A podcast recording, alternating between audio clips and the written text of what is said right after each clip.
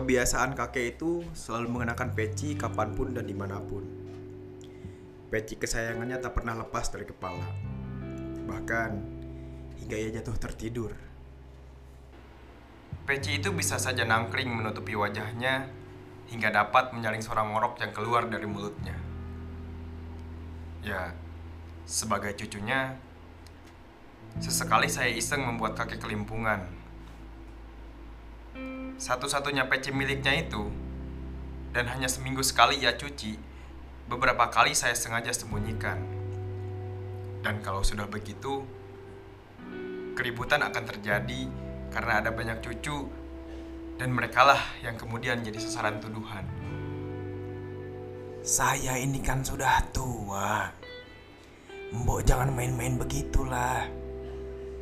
Kalau kalian mau uang yang terselip di lipatan peci itu, ambillah secukupnya. Begitulah omelan kakek. Dengan sasaran entah saya, entah cucu-cucu yang lain. Di antara para cucu yang mendengar, tentu hanya tertawa cekikikan. Jika kemudian tiba-tiba peci itu saya munculkan tanpa sepengetahuan si kakek, ya misalnya tiba-tiba sudah ada di belakang tempat duduknya, maka si kakek akan terlihat sangat riang. Serta merta, ia akan memeriksa sejumlah uang yang terselip di lipatan peci itu. Dan selalu utuh. Begitulah. Jikapun saya sembunyikan, saya sama sekali tidak pernah berniat untuk mencuri uang di lipatan peci kakek itu. Baik saya, orang tua saya, dan saudara-saudara penghuni rumah lainnya tahu bahwa uang di lipatan peci kakek itu adalah uang saku yang biasanya ia gunakan sebagai bekal untuk membeli rokok atau keperluan lain sesuka hatinya. Itulah sebagian uang yang ia peroleh dari hasil sawah dan ladang miliknya. Kalaupun pas hati kakek lagi lapang, tentu saja ia tidak pernah lupa cucu-cucunya. Mereka akan diberi uang jajan yang diambil dari lipatan pecinya itu. Sepeninggal nenek, peci itu seakan-akan telah menjadi pengganti istri kakek.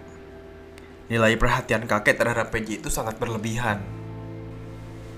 Kini, ayahlah yang menggantikan kebiasaan kakek. Ayah sering menyimpan uang di lipatan peci meskipun ibu saya sering menegurnya. Ayah ini kan ketua RT. Kok naruh uang di lipatan peci? Yang bawa dompet lah. Kalau mengeluarkan uang di depan banyak orang, memangnya bapak tidak malu? Zaman kan sudah modern. Setiap warga RT di sini sudah punya laptop semua. Kok yang seperti ini masih dipakai?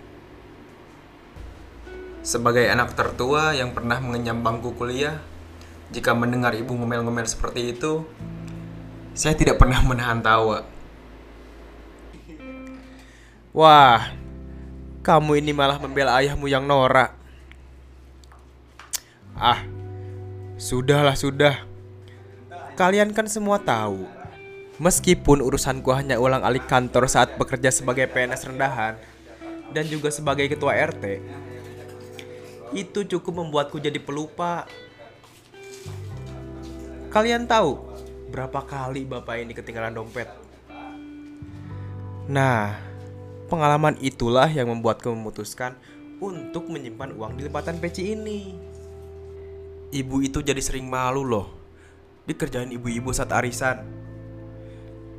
Setelah ibu mengeluarkan uang dari dompet ibu, mereka tiba-tiba bilang kayak gini. Wah, uangnya bau peci apek.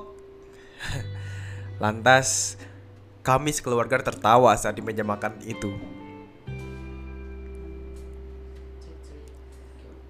Nah, waktu itu kemeriahan bendera partai dan foto-foto calon legislatif baru saja usai di kampung kami. Kampung kami pun sudah steril sebenarnya. Sebagian caleg yang fotonya pernah nampang di kampung kami ada yang benar-benar jadi, sebagiannya lagi ada yang berguguran.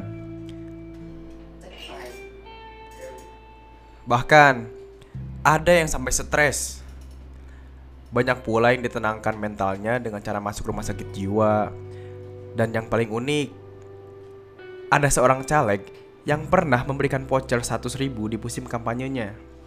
Kemudian, dia meminta pembelian itu dikembalikan. Karena ada warga kampung kami yang menerima gratifikasi berupa voucher pulsa itu.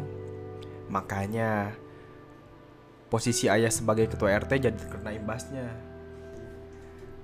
Pak RT pasti tidak hanya mendapat sekedar voucher 100 ribu kan? Tuh, PC-nya baru. Berarti isi lipatan juga baru kan? Demikianlah sindiran seorang warga. Kok teras rumahnya makin bagus saja? Berapa rupiah tuh yang masuk ke kantong Pak RT? Cobaan berupa sindiran tertuju pada ayah. Terutama ketika sejumlah warga berkumpul bersama ayah di gardu ronda. Tentu saja ayah selalu menghindar dari sindiran yang sudah menjurus kepada tuduhan itu. Sebab kenyataannya, ada warga dari satu RT yang memang menerima gratifikasi voucher pulsa 100 ribu itu. Saya sendiri tahu perasaan ayah. Meskipun saya yakin ayah sama sekali tak menerima gratifikasi voucher 100 ribu itu. Sebagaimana yang sering disindirkan oleh warga kepada ayah. Mbok sudahlah, diakui saja kalau memang menerima. Sayangnya, kok ya hanya sendiri loh yang dapat. Kami semua juga kan mau.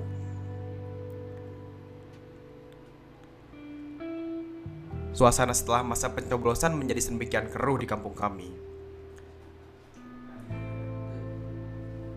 Sejumlah warga yang diam-diam menerima voucher 100 ribu itu kemudian diserahkan kembali dalam bentuk uang kepada caleg yang menagihnya karena dia tidak mendapatkan kursi. Sementara ayah masih terus diserang tuduhan, ia pun tidak tahu harus mengembalikan apa karena memang dia tidak pernah merasa menerima apa-apa. Karena desakan warga begitu kuat, ayah pun terguling dari jabatan ketua RT. Tanpa bukti yang pasti bahwa ia telah melakukan kesalahan sebagaimana yang jamak dituduhkan. Tapi ayah saya terguling karena memang mengundurkan diri karena ia tidak merasa kuat dan tidak nyaman lagi. Aduh, terus terang, saya itu bingung mau mengembalikan apa karena memang saya tidak pernah menerima apa-apa loh. Tapi meski begitu, ya dengan lapang hati saja, saya memutuskan untuk mundur saja dari ketua RT. Permohonan pengunduran diri ayah ternyata diterima dengan senang hati oleh semua pengurus RT, yang tentu saja merupakan cerminan seluruh satu RT. Ayah saya pucat, ia tak dapat menyembunyikan suasana hatinya yang terpukul. Berhari-hari saya menenangkan ayah. Saya khawatir karena masalah itu ia bisa jatuh sakit. Tapi syukurlah, ayah tetap tegar. Begitu pula ibu yang selalu menguatkan ayah. Suatu hari, ayah tiba-tiba mendapatkan kesempatan untuk pergi umroh. Kebetulan, itu dibiayai oleh sahabat lamanya yang ketemu setelah 20 tahun di Facebook. Ayah diminta menemani sahabat itu dalam perjalanan ibadah umroh. Ia mendapatkan uang saku selama perjalanan dan tentu saja semua ditanggung oleh temannya itu. Saya menduga malah ayah akan semakin dicurigai oleh warga RT yang pernah dipimpinnya. Allah, sudahlah. Kalau masih tetap curiga, ya silakan saja. Ini itu murni keberuntungan ayah karena jumpa kawan di masa muda. Ujar ayah kepada saya ketika mau berangkat umroh. Pagi harinya, saya mengantar ayah ke biro jasa perjalanan umroh dengan mengendari motor karena ayah menolak dijemput mobil biro jasa perjalanan umroh itu. Sesampainya di Arab Saudi, ayah mengirim pesan pendek bahwa peci kesayangannya ketinggalan dalam sebuah rapat warga. Sebelum ia berangkat umroh, ketika peci tersebut saya urus, kemudian saya tanyakan ke pengurus RT baru. Lalu, pengurus RT lama pimpinan ayah telah diganti semua. Ternyata memang ada yang menemukan peci ayah. Kabarnya sih, peci itu sudah diterima oleh ketua RT yang baru. Cara menyerahkannya pun hanya ditaruh di depan pintu rumah ketua RT baru. Jadi, ia tidak tahu siapa yang menemukannya. Saya periksa isinya di depan ketua RT. Uang yang biasanya ada di selipan peci ayah ternyata masih ada. Lalu, saya membalas pesan ayah, mengabarkan bahwa uang yang terselip dalam lipatan pecinya masih utuh.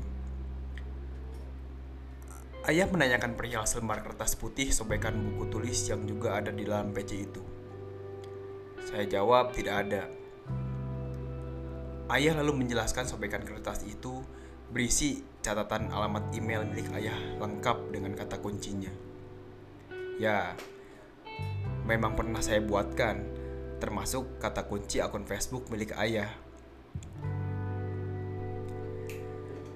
Wah, yang menemukannya ternyata orang pintar. Pengen tahu isi emailku saja kali dia. Waduh, gimana kalau begitu, Pak? Ayah justru berharap si penemu membuka email ayah dan mengetahui isi curhatan hati ayah kepada kawan-kawan.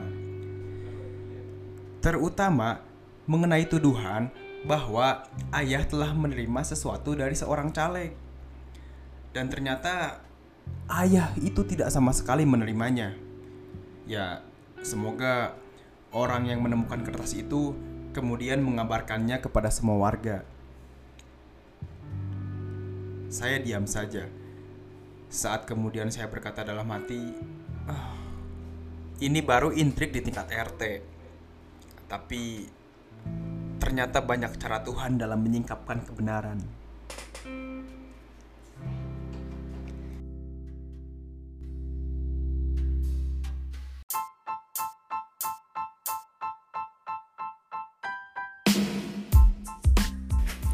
Thank you for listening to this podcast, and I hope you continue listening to the next episode.